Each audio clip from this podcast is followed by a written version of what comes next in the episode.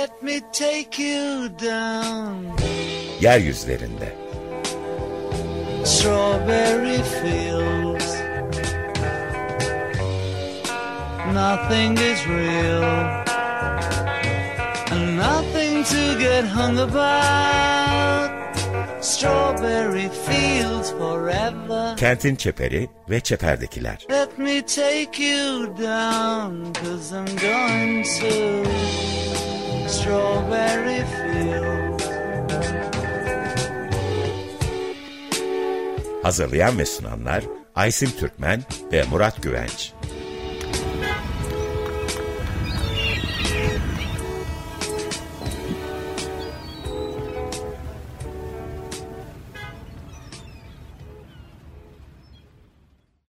Sevgili Açık Radyo dinleyicileri.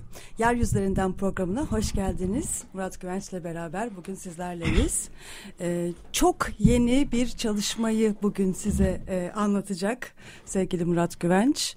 E, komşumuz kime oy vermiş? 1, 2, 3 sandıklı yerleşmelerde oy profilleri. Bugün e, programda bize detaylı şekilde e, bu e, yeni çalışmasını anlatacak. Evet Evet, bütün yeni çalışmalar gibi bunun uzun bir e, tarihi var. E, bir 2009 yılında biz, e, ben o zaman Bilgi Üniversitesi'ndeyken e, arkadaşım Profesör e, Hasan Kirmanoğlu ile beraber bir Türkiye seçim atlası yapmıştık o tarihte. Bu bilgi yayınlarından yayınlandı. Büyük boy böyle forma. 1950'den beri Türkiye'deki bütün seçimlerin e, yani oy dağılımını gösteriyordu. Yani Türkiye seçim coğrafyasını gösteriyordu. Bu araştırma e, bazı ilginç özellikler taşımasına rağmen o zaman çok da fazla ilgi çekmedi. Koca bir atlas olmasına rağmen benim açımdan önemliydi. Hasan'la beraber de biz bunu epey e, ilerlettiğimizi düşünüyoruz. Bu çalışma Türkiye siyasi coğrafyasının e, iki temel farklılaşma eksenini veya şimdiki deprem deyimleriyle söylersek fay hattını, kırılma hattını ortaya çıkardı. Bunlardan bir tanesi ana dil, Türk-Kürt, ikincisi de seküler mütedeyyin.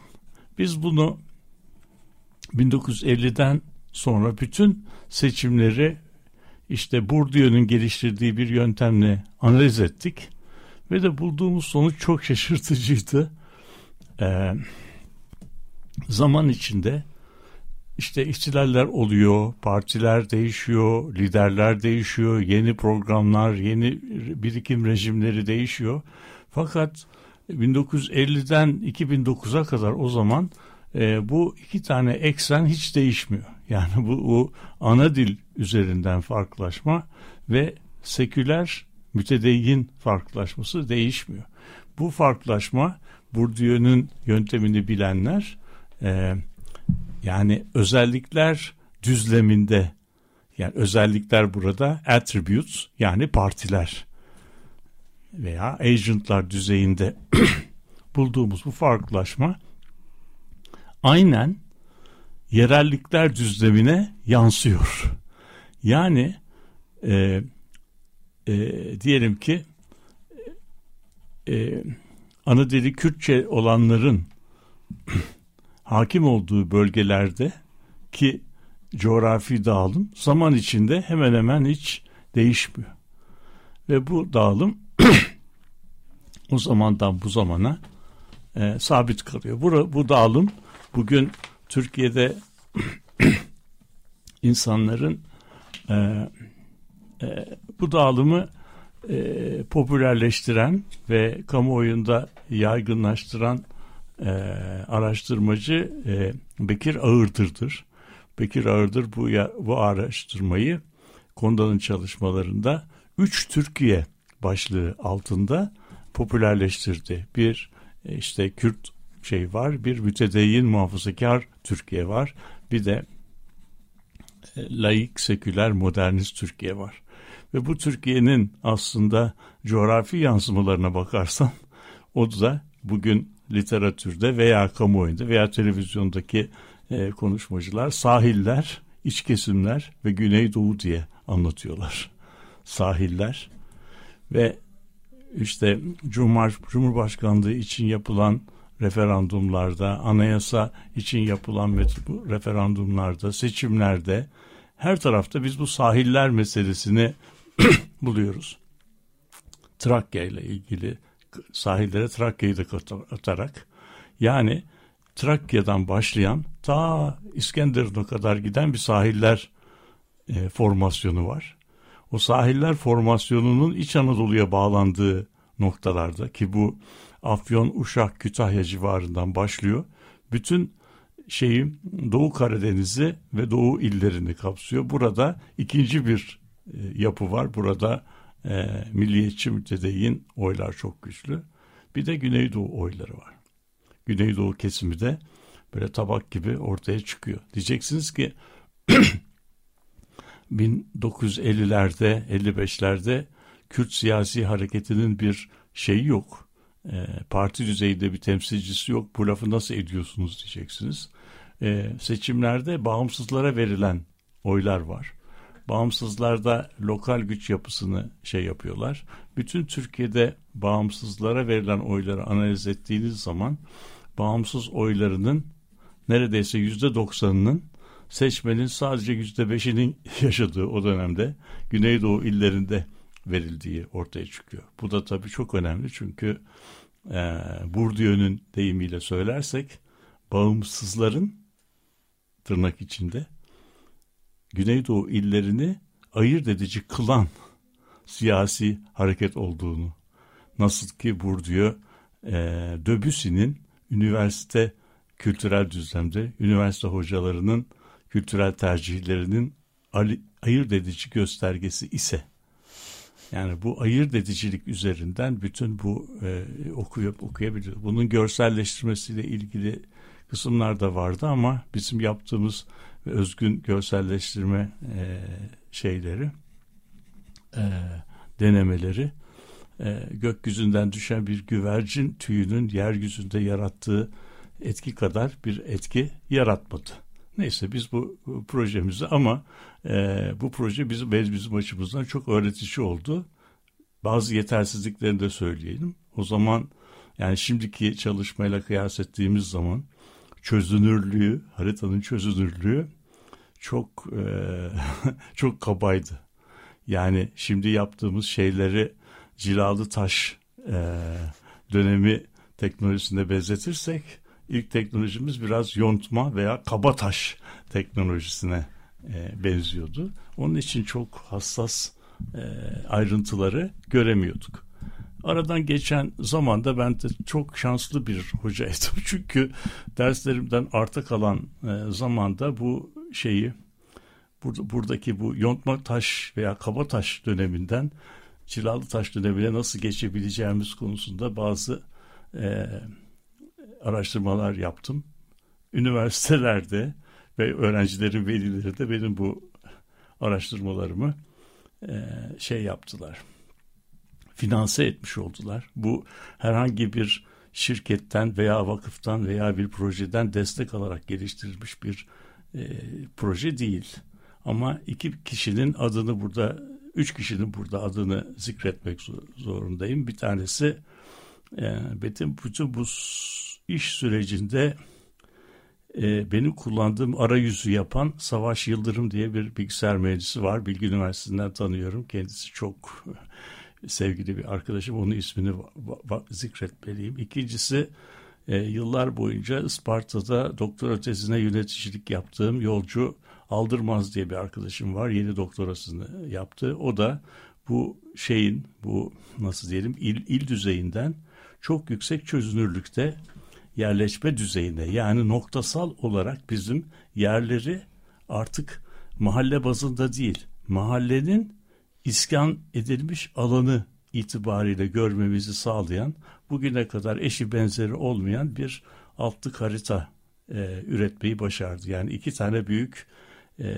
katkıda bulunan insan var. Bütün bu işler tabında sonunda da tabii bunlar bu şey olmuyor. İnsanın zaman bütçesini ve zaman kullanımını altını üstüne getiriyor. Orada da bizim e, Kadir Hasta İstanbul Çalışmaları Merkezi'nin e, araştırma koordinatörü Funda e, Dönmez Ferhanoğlu e, bu işin arkasını topladı diyebiliriz. Yani biz bu işi e, önce burada geliştirilen yöntemleri bu Kent 95 sitelerinde e, İstanbul e, Türkiye'deki kentlerin sosyal coğrafyalarını anlatan harita serilerinde e, Birleşmiş Milletler'in e, UN Women e, ölçüsünde e, programının desteklediği Mor Haritam e, harita dizisinde ki bu Ankara ve Eskişehir düz, düzeyinde elde edilebilir e, haritalar.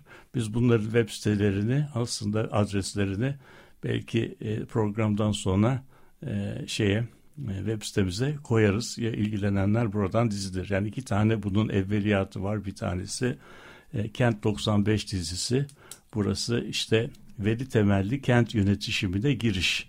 Bunu e, Hollanda'nın e, Bernard van Leer Vakfı desteklemişti. Daha sonra birçok hükümetten, İsveç hükümetinden, Hollanda hükümetinden destek alarak bu siteye yeni yeni katmanlar ilave ettirdik. Şimdi Ankara, İstanbul, İzmir, e, Balıkesir ve Gaziantep illerinin e, sosyal coğrafyalarını mahalle düzeyinde irdelemeye elverişli e, web sitelerimiz var.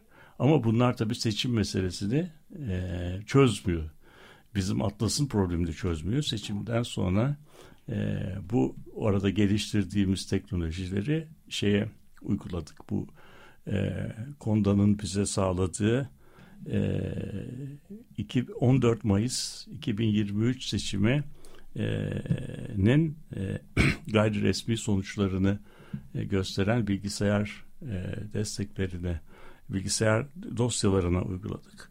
Burada ve burada da e, arkadaşım Yolcu Aldırmaz'ın e, ürettiği Türkiye'nin en azından bütün Marmara illerini Ankara, Eskişehir artı bütün Marmara illeri ve Ege bölgesi illerini kapsayan yani aşağı yukarı nüfusun yüzde 60'ından fazlasını bulunduğu bir altlık harita üzerine e, haritaladık.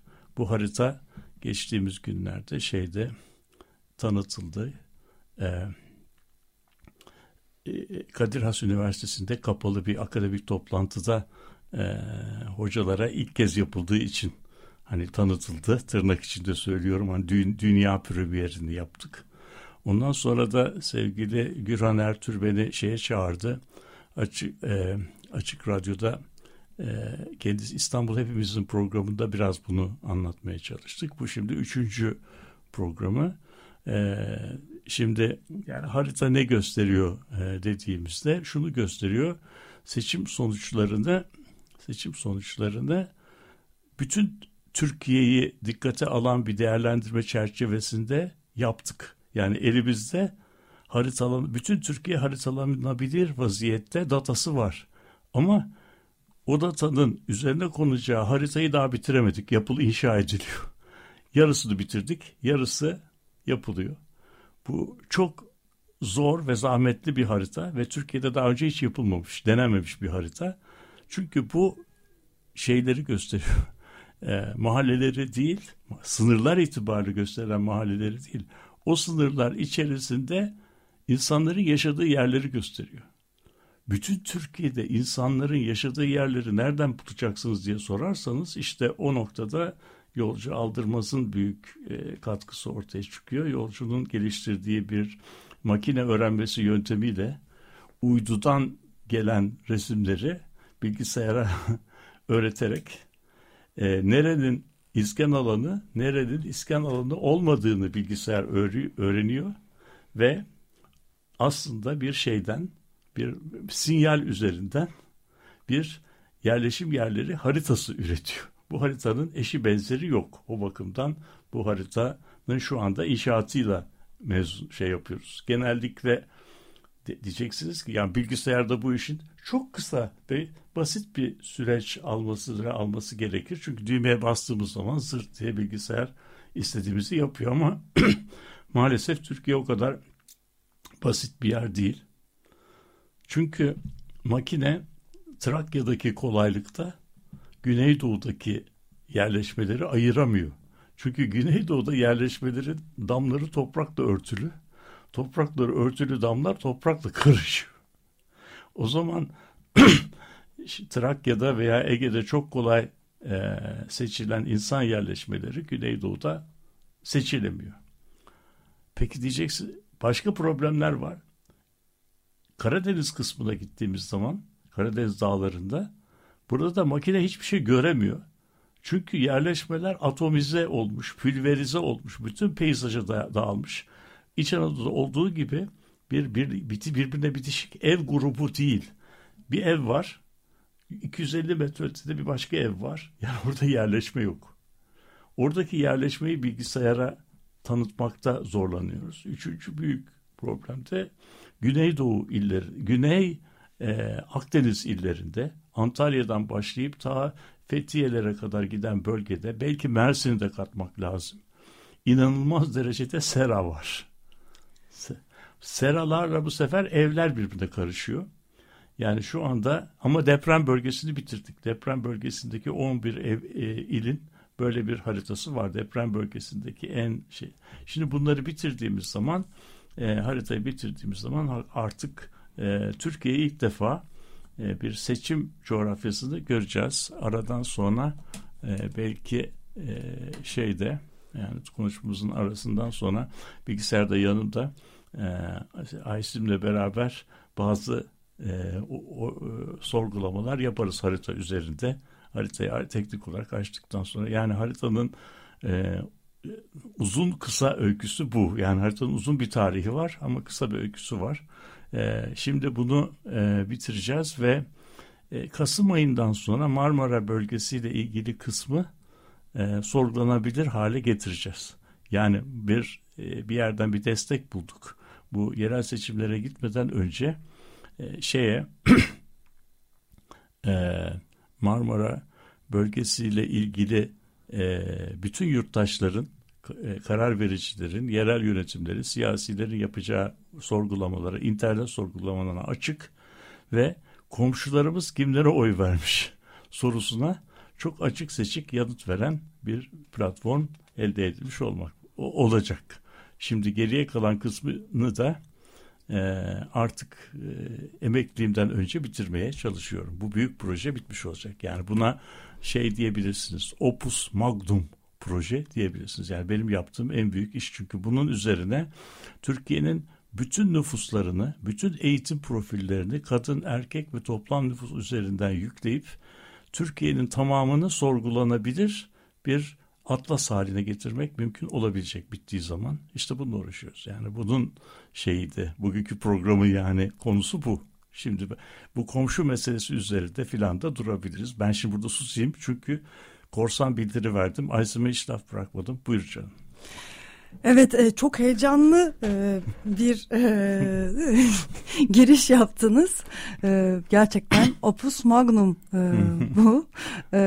Bir süredir ben de bilgi alıyorum bu konuda ve ben ben de çok heyecanlanıyorum.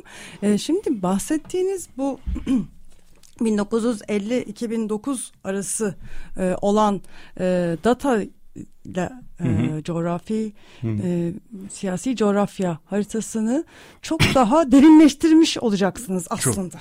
Çok. Yani, yani evet ikisinin arasındaki fark şu. E, sokaklarda hani böyle vesikalık çeken şipşakçılar vardır ya.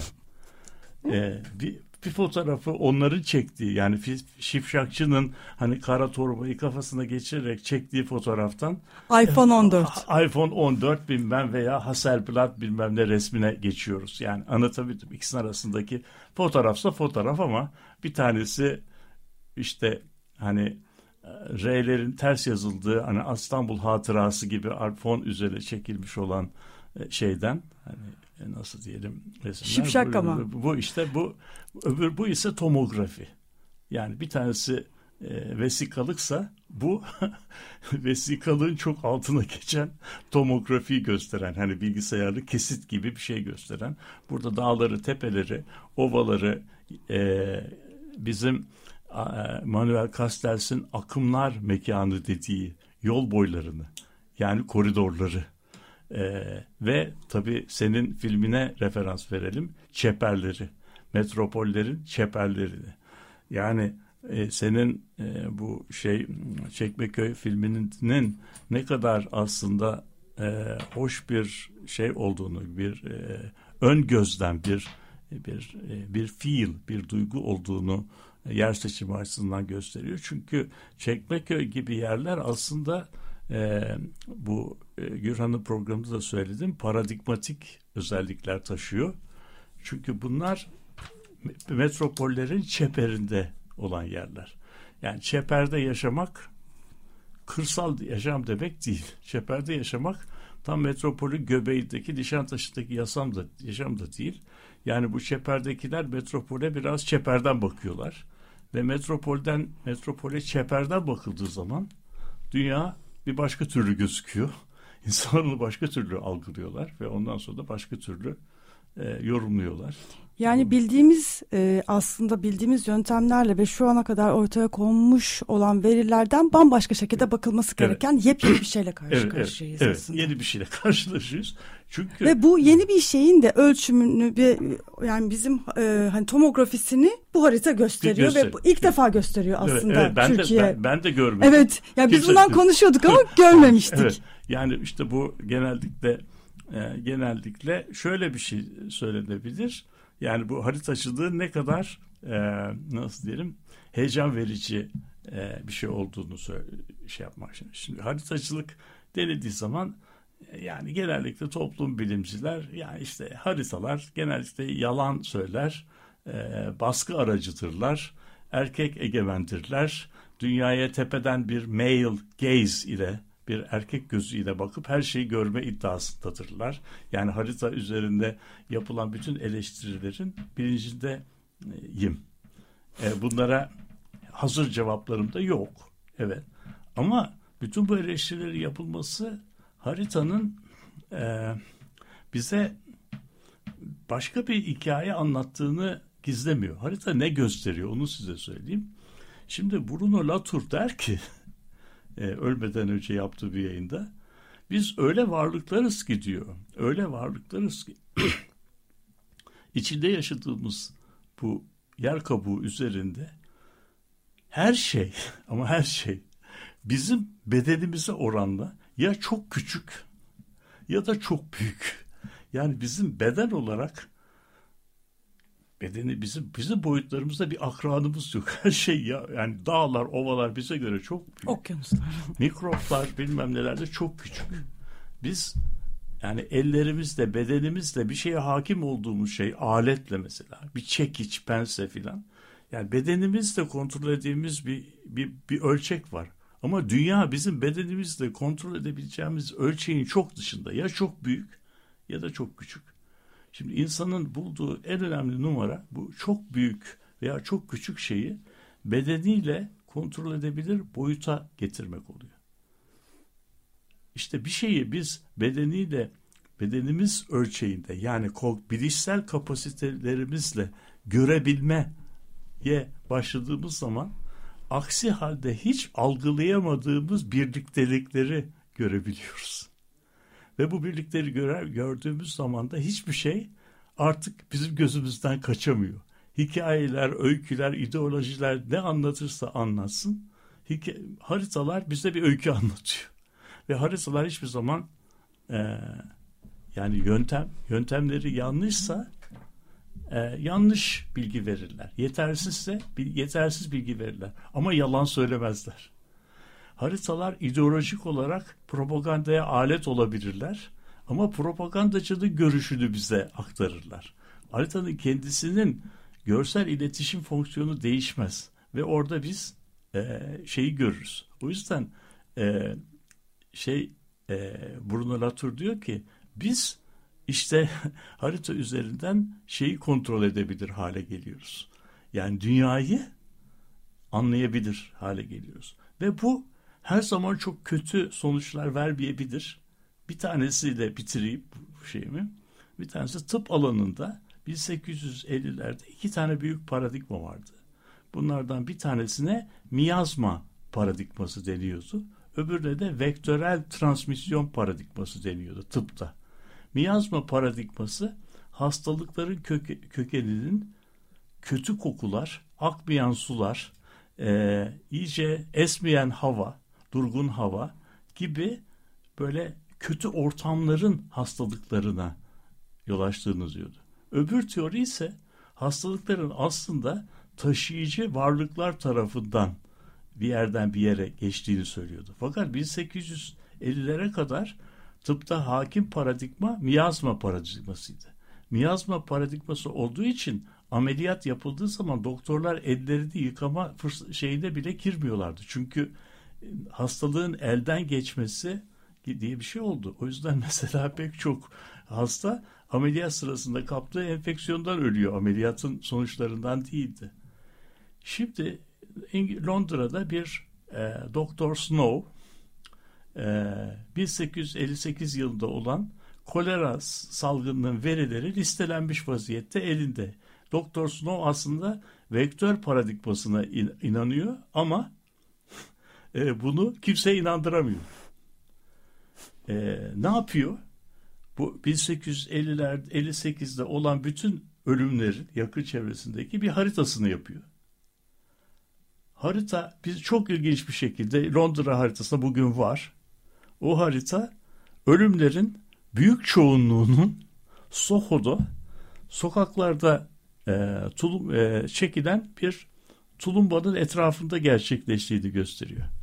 Bu bölgede etrafında 10 tane tulumba var. Onların etrafında ölüm yok. Bütün ölümler o tulumbanın etrafında oluyor.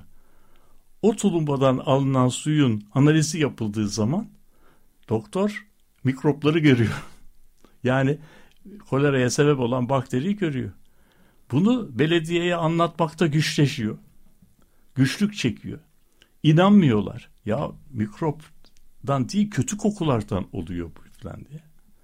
Diyor ki yalvarıyor yakarıyor ve belediye meclisinden şöyle bir eylem e, projesine izin istiyor. İzin verin şu tulumbanın sapını kulpunu sökelim diyor. Bir gece için. O tulumbanın kulpunu söküyorlar. İki gün sonra salgın bitiyor. Çünkü artık oradaki mikroplu suyu insanlar içemiyor. Başka yerlerden su içmeye başlıyorlar.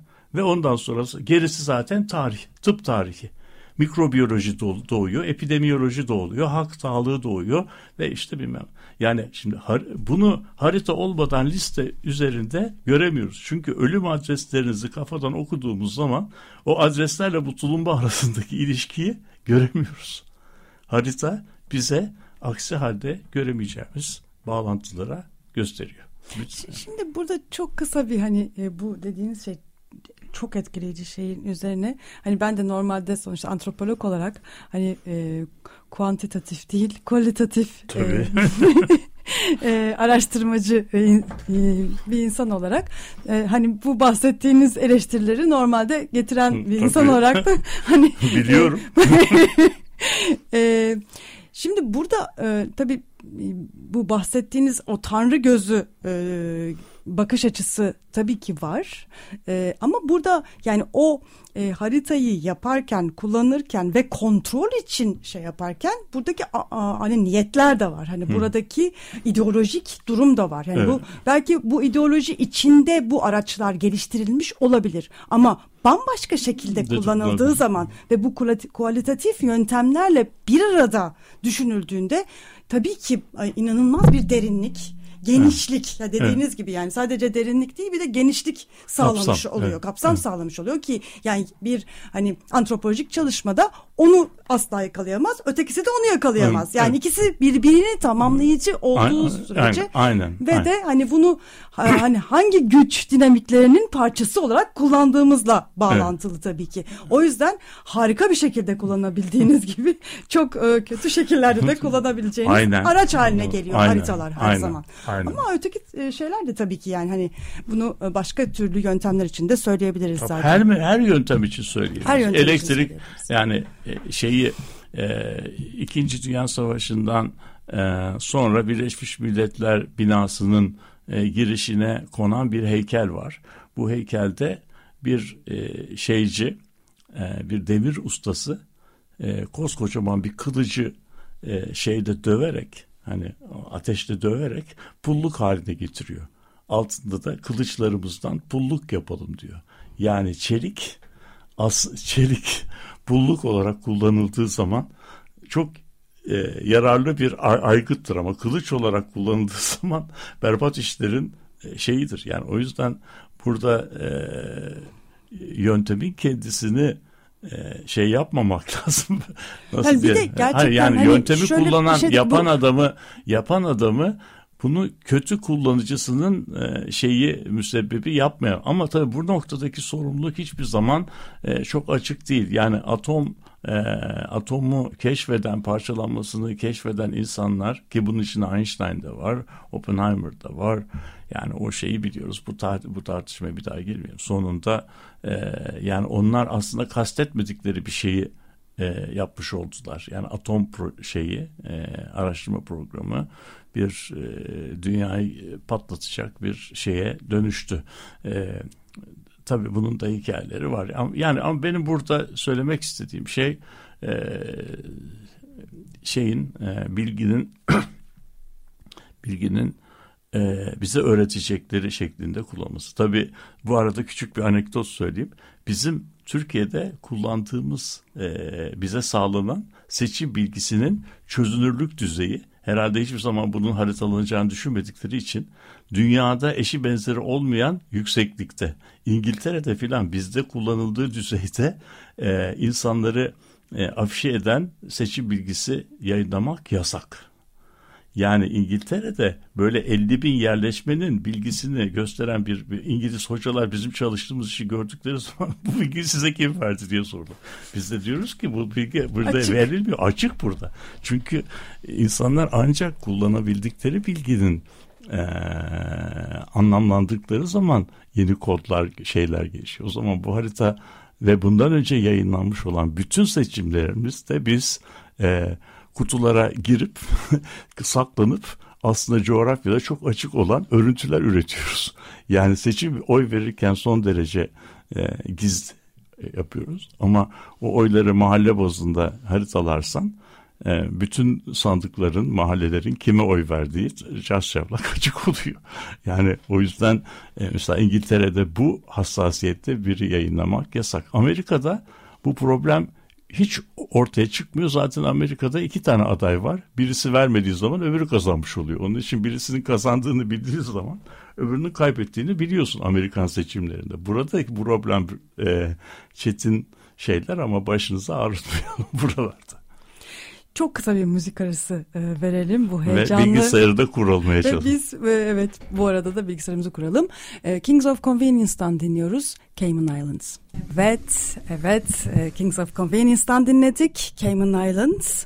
E, Yeryüzlerinden programını devam ettiriyoruz. E, Murat Güvenç'le birlikteyiz. Komşumuz kime oy vermiş? 1, 2, 3 sandıklı yerleşmelerde oy profilleri e, çalışmasını Murat Güvenç'in bugün programımızda e, anlatıyor kendisi. E, ve e, gerçekten çok heyecanlı e, bu e, dünya premierinden sonraki ilk aslında e, halka çıkış e, evet noktalarından bir tanesi oldu şu andaki program. Evet. Ee, Şimdi muazzam de... bir e, çalışma. E, neredeyse 30 senelik e, bir çalışmanın ürünü aslında. Evet. Bu gelinen nokta. E, programın başında bunu e, uzun uzadıya anlattı. Şimdi önümüzde açık harita. Bu haritanın üzerinden de... Şimdi ilk e, defa böyle nasıl diyelim e, naklen tiyatro yayını yapar gibi naklen harita yayını gibi bir şey yapacağız. Ama e, şu anda yani ben aslında e, şeye e, şimdi haritanın neyi gösterdiğini Aysim'e anlatacağım. Onun sorularıyla beraber biz bunda hani e, bir çeşit yapboz oyunu yapar gibi komşularımızın kime oy verdiğini göreceğiz. Şimdi Aysin bana e, benim sorularıma yanıt verebilir şey olarak. Ben şimdi bir antropolog olarak Aysim'in ne gördüğünü, e, haritayı nasıl e, yorumlamamız gerektiği konusunda beraber Aysim'le sizin sizinle beraber yani program sonun, sonuna kadar şey yapalım. Şimdi önümüzde böyle bir Türkiye haritası var. Şeyleri filan da gösteriyor. Yan taraftaki komşuları Yunanistan'ı filan da gösteriyor. İşte Türkiye'nin üzerinde şimdi sen neler görüyorsun? Yani şimdi bu burada neler gördüğünü belki izleyicilerimize ilk gördüğünüz zaman bir takım nokta gibi şeyler görüyorsun. Ve rengarenk. Yani o rengarenk, şey de çok ha. ilginç yani Ha, hani rengarenk. e, işte bu çok e, rengarenk Yani meselesi. Minik minik çok minik noktalar. Dolayısıyla hani e, programın ilk bölümünde bahsettiğimiz gibi çok derinlikli bir şey olduğunu Evet. burada hissedilebilir. Yani çünkü e, e, o noktaların zaten çoğu çok küçük e, ama yani e, daha da küçük daha da küçük daha da küçülüyor. Yani hani Ha, böyle evet. e, gerçekten Ama bazı e, yerlerde mesela bu Marmara'nın kuzeyinde böyle bir e, Işık- Mer- Mercedes armasına benzeyen bir yer var. Orasının adını sen herhalde görebiliyorsun. Değil mi? Bu şuradaki yoğunlaşma merkezde İç Anadolu'da İzmir'de bu noktalar birleşip bir şey yapıyor. Bir, bir yoğunlaşma alanlar. Onlar da büyük şehirler. büyük şehirleri görebiliyoruz. Evet. Burada Bursa'da da Evet, var. Bursa'yı da şekilde. Yani nasıl diyor, o zaman büyük şehirler bir takım yoğunlaşma alanları, yığılma alanları. Bir de bunların arasında pıtrak gibi gökyüzündeki yıldızlar gibi birbirinden dağılmış şeyler var. Şimdi bunların ama hepsi aynı renge boyanmamış. Bu seçim haritası da maviler e, Millet İttifakı'nın önde olduğu yerleri. Sarılar ise Cumhur İttifakı'nın önde oldukları yerleri gösteriyor. Şimdi burada pek ortalıkta böyle konuşulmayan şeylerden bir tanesi. Mesela Trakya kısmına baktığın zaman ne görüyorsun Aysun? Masmavi görüyorum. Masmavi. Adapazarı tarafına yani Adapazarı, İzmit ve oradan Bursa'ya kadar gelen yerde burada bir mavi görüyor musun? O sarılar neredeyse şey e, Zirve. turuncuya geçiyor, geçmiş durumda. Sahillerde böyle bir mavi kuşak görebiliyor musun? Kesinlikle mavi kuşak görebiliyorum. Yani aslında burada şeyi görüyoruz. Yani bu Ee, sahiller ilk, iç- ilk dönem ilk programın ilk Evet. bölümünde konuştuğumuz şey çok net bu- burada evet. ortaya çıkıyor. Ama bu- bu- buradaki burada başka şeyler de görüyoruz. göreceğiz, daha göreceğiz. Şimdi önemli olan Şimdi, şimdi altında burada 33 milyon 700 bilmem kaç diye bu bizim gösterdiğimiz harita bugün Türkiye'deki işte 60 milyon oyun 33 milyonunu kapsıyor. yarısı. Ya, yarısından biraz Yani fazla. Ankara'ya geçmiş yani Evet Ankara'ya kadar. Daha bazı yerler böyle boşluklar var. Oraların haritası yapılmadı. Bir de böyle bir tane yuvarlak var. İşte orada maviler açık mavi İyi Parti'yi e, şey ise koyu mavi ve koyu mavi ise şeyleri gösteriyor. CHP'yi CHP gösteriyor. gözü.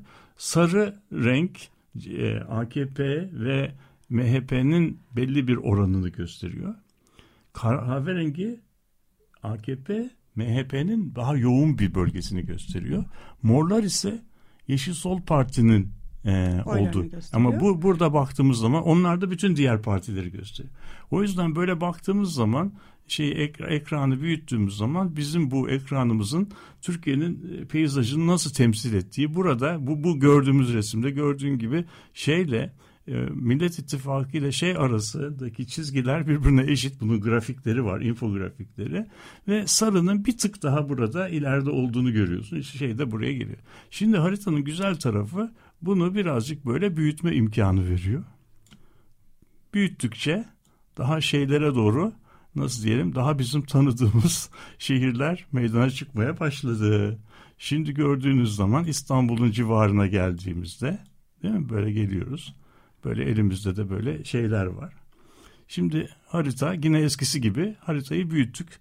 Buradaki noktalardan herhangi bir tanesinin üzerine gelip böyle e, tıkladığımızda bizim şey bu yerleşmenin adını görüyoruz. mahalleyi görüyoruz. Ve o mahallenin aslında biraz bekleyeceğiz. Kime oy verdiğini, hangi partilere oy verdiğini buradan e, izlemek mümkün olabiliyor.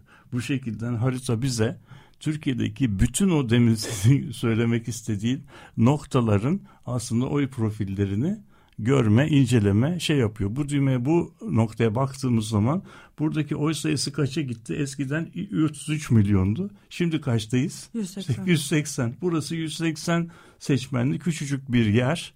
İstanbul'un da seçtiğimiz yer aslında Kurtköy'ün birazcık Çekmeköy'e yakın bir nokta. Şile. Şile civarında arasında 172 kişi 77 kişi oy kullanmış. Bir tane geçersiz oy varmış ve burada gördüğünüz gibi %55'i e, şeye vermiş. AKP ve MHP'ye vermiş.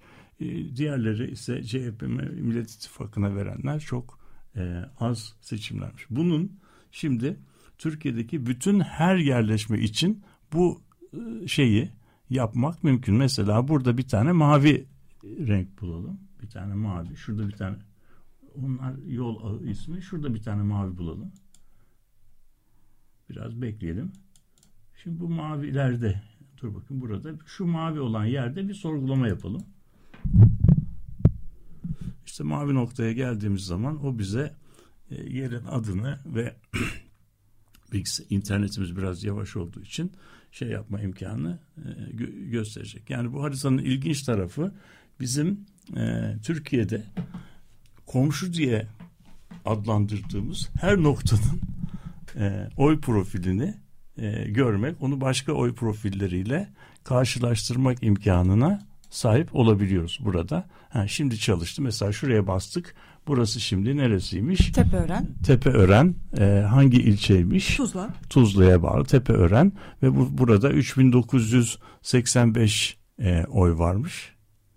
E, 3700 şey varmış ama buradaki oy profili demin e, ki gördüğümüzden tamamen farklı bir e, yapı. Bunun haritanın bir başka özelliği var ki bunu da belki söylememiz lazım. Bu e, burada bunun adına kement özelliği deniyor. Burada bir yer çeviriyorsunuz. Şöyle, şöyle sen incelediğin bir yer olarak. Buraya geliyorsun. Bu gidiyor bütün bu yerlerin oy profillerini buluyor. Ona göre bir liste yapıyor. Burada diyor bak nerelerde. Buralarda 6 bin tane oy varmış. Oy profili böyleymiş. Bize böyle bir sorgulama sonucu gösteriyor. Şimdi bu, bu profil daha önce bu harita aslında 5 e, tane özelliği var.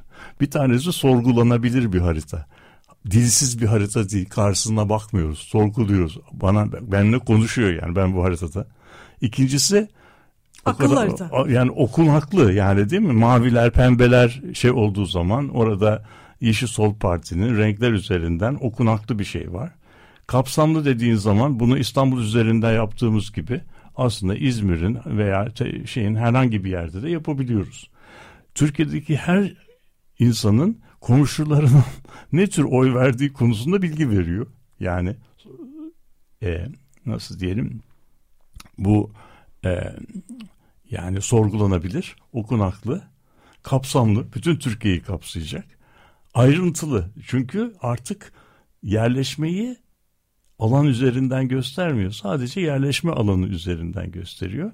Bir de kullanıcı dostu. Yani bu beş e, özelliği bir araya getiren yani 12 yaşındaki bir e, çocuğun çok rahatlıkla hatta kullan, kullanabilir. Yani daha onu, rahat yapacağı büyük ihtimalle. Bizlerden evet. bir harita bunun üzerinde ama burada şimdi mesela sen bir political antropolog olarak e, bir e, saha araştırmasına çıkarken senin elinde böyle bir araştırma yani böyle bir araç olsa e, e, saha yerini e, bence daha kolay seçersin, seçersin. Seçmek bir, iki. Hani nasıl gerekçelendirilir? nerede duruyor? Tür, o elin kim, içinde nerede duruyor, için içinde nerede neleri duruyor? Neleri temsil ediyor? Kendi başında antropolojide en zor şeylerden bir tane bir, bir, bir tür e, bir tür bir araştırma yaparsın.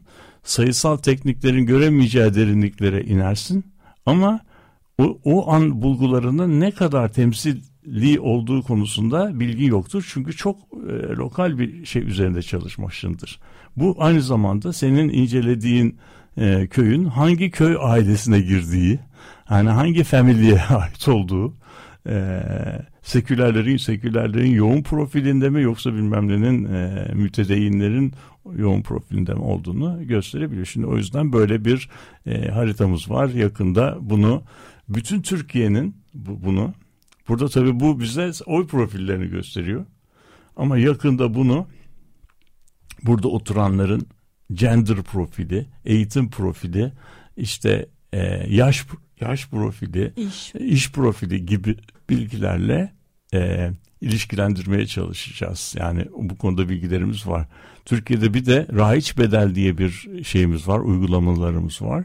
Özellikle Büyükşehir Belediyesi sınırları içerisindeki bütün mahalle ve köylerde rahiç bedeli öğrenebiliyoruz sokakla yani emlak vergisi alındığı için o sokağın metrekaresinin kaç lira olduğunu biliyoruz. O yüzden bu haritayla hani ekonomik durumu veya birikimi, servet durumu kim ne düzeyde olanlar kimlere oy verdi onu çözümlemek imkanına da sahip olabileceğiz. Bunlar benim açımdan yani benim açımdan haritadan beklediğim ve diğer haritaların çok kolaylıkla rahat yanıt vermediği beş tane özellik vardı. Sorgulanabilirlik yani bunun bir kağıt medyumu üzerinde değil sayısal bir medyumda olması.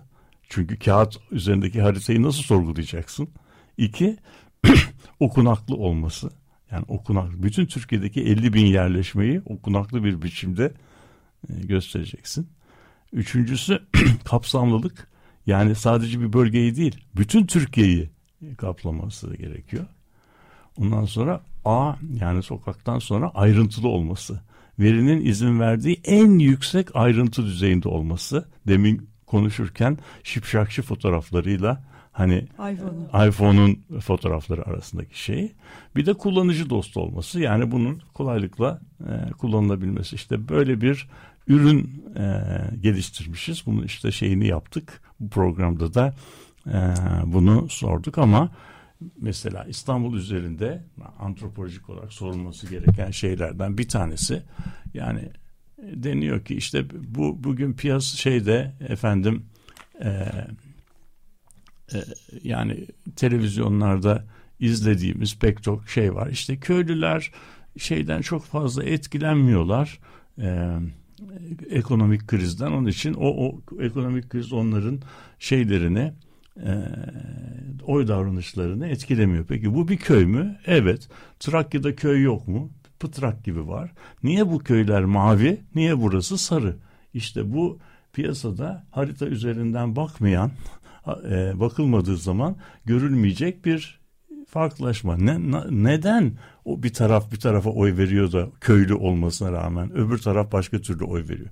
Bunun sebebi nedenini ben bilmiyorum. Hazır bir nedeninin de kitaplarda yazdığını bilmiyorum. Bunun nedenini keşfetmek için bizim e, Mübeccel Kıray hocamızın deyimini söylüyor. Dizini kırıp çalışmak lazım. Yani gidip gidip gidip o yere bakıp orada ne yapmak lazım. Ama şey karşısında televizyon karşısına oturup ah vah niye bunlar böyle yapıyorlar zaten onlar öyledir gibi laflarla biz bunu anlayamayız. Yani bu işte yaptığımız haritada biraz bunu e, gösteriyor. O yüzden de bu gelişmişlik düzeyine gelmesi doğrusu sevindirdi. Bir başka sevindirdiğimiz nokta bugün elimizde henüz haritası hazır olmadığı için haritaya koyamadığımız ama bütün e, yani Türkiye'deki 50 bin yerleşmenin 50 bin yerleşmesi için bu sorgulama imkanımız var. Bit, harita bittiği zaman Hakkari hariç bütün illeri bu ayrıntı düzeyinde sorgulayabileceğiz ve bu bölgelerin istediğimiz bölgeyi bir başka bölgeyle karşılaştırabilir olacağız. O yüzden de bu da tabii karşılaştırdığımız zaman e, yani çeperlerle merkezi kentler arasındaki e, profil farkları tabak gibi ortaya çıkacak. E, çünkü çeperlerde tıpkı metropoller bizim programın adında da var. Ağaç gibi çeperlerden büyüyor. Hayatiyet yani doğurganlık çeperlerde. Çeperlerde genç nüfuslar var. Merkezlerdeki nüfuslar ise doğurganlık çağından çıkmış insanlardan oluşuyor. Yani şeyler, merkezler aslında e, yani demografik anlamda yaşamın olmadığı, yani kendisini yeniden üretme çağından çıkmış nüfusun yaşadığı depoları gösteriyor. Çeperler ise hayatın kendisinin e, gerçekleştiği, hane halklarının yeni kurulduğu, çocukların büyüdüğü ve insanların toplumsal kültürel olarak kendilerini yeniden ürettiği yerleri gösteriyor. O yüzden bu e, bu yerlerin niteliği nasıl davrandığı, dünyanın çeperden nasıl okunduğu o bakımdan çok büyük önem taşıyor ve biz, biz bunlar hakkında bugün hiçbir şey bilmiyoruz. Söyleyeyim. Öğrenmemiz gereken yani burada hiçbir şey bilmiyoruz derken işte sanatçılar Aysun gibi onların filmlerini yapıyor. Ee, ama aynı zamanda bilim alanında da mesela e, Erdar hocamız, Sema Erdar hocamız Pendik, Ümraniye e, gibi yerlerin e, öykülerini, gelişim öykülerini hatta şu anda zaman içerisinde nasıl geliştiğini gösteren artık kitaplar yer, yer, değil ama. değil ama artık o işte eski çeperler eski aynen o, o işte eski çeperler nasıl eski çamlar bardak olurken artık o eski E, oralar Eski askeri Çeperler yerler. kent Eski oldu. artık kentleşiyorlar ve bu öyküde e, zaman içerisinde nasıl bir yerleşmenin doğduğu, hani nasıl konsolide olduğu bunun öyküsünü biliyoruz. Yani bu bu işi bütün Türkiye çapında yaptığımızda bir şeye Türkiye'nin aslında bir tomografisini elde etmiş olacağız. Tabii bunu e, uzaktan haritayı anlatmakla olacak şey değil ama yakında haritayı da okuyucularımız izleyebilecekler. Bizim yaptığımız gibi sorgulayabilecekler. Ee, bu e, çeperlerle ilgili tabii hani şimdi ben programın başından beri beni e, en çok heyecanlandıran şeylerden bir tanesi bu e, çeperler ve dediniz ki mesela çeperler genç nüfusu barındırıyor yepyeni bir dinamizm. E, şimdi bu başka Bir de bir de şeyler tabii. Bir de yaşlılar var. Yani çok yaşlılar var. Yani terk edilmiş köyler var. O köy eski köyler. Onlar mahalle düzeyinde. Orada hiç şey kalmamış. Hiç yaşam belirtisi kalmamış. Ve onlar da işte şehirlerden Almanya'daki çocuklarının onlara gönderdiği şeylerle yaşıyorlar.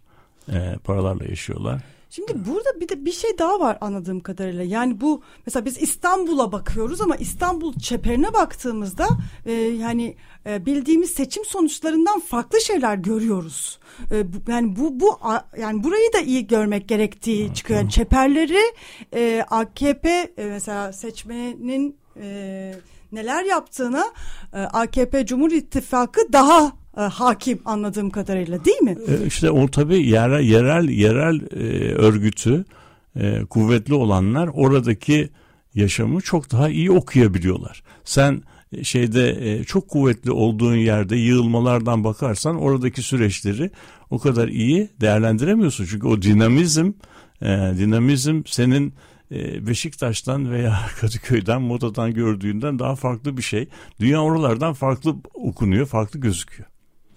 Evet e, bu çok e, heyecanlı e, programın sonuna gelmiş durumdayız. E, Evet. Gerçekten harika bir e, çalışma ve bizim için nefis bir e, program oldu. E, bu çalışmanın e, öteki tamamına kısmı tamamına ermişini tamamına ermişini de e, görelim inşallah. bir- gördüğümüz anda tekrar sizlerle paylaşacağız. Çok çok teşekkür Evet, ediyoruz oldu. sevgili Görüşmek Murat üzere. Güvenç.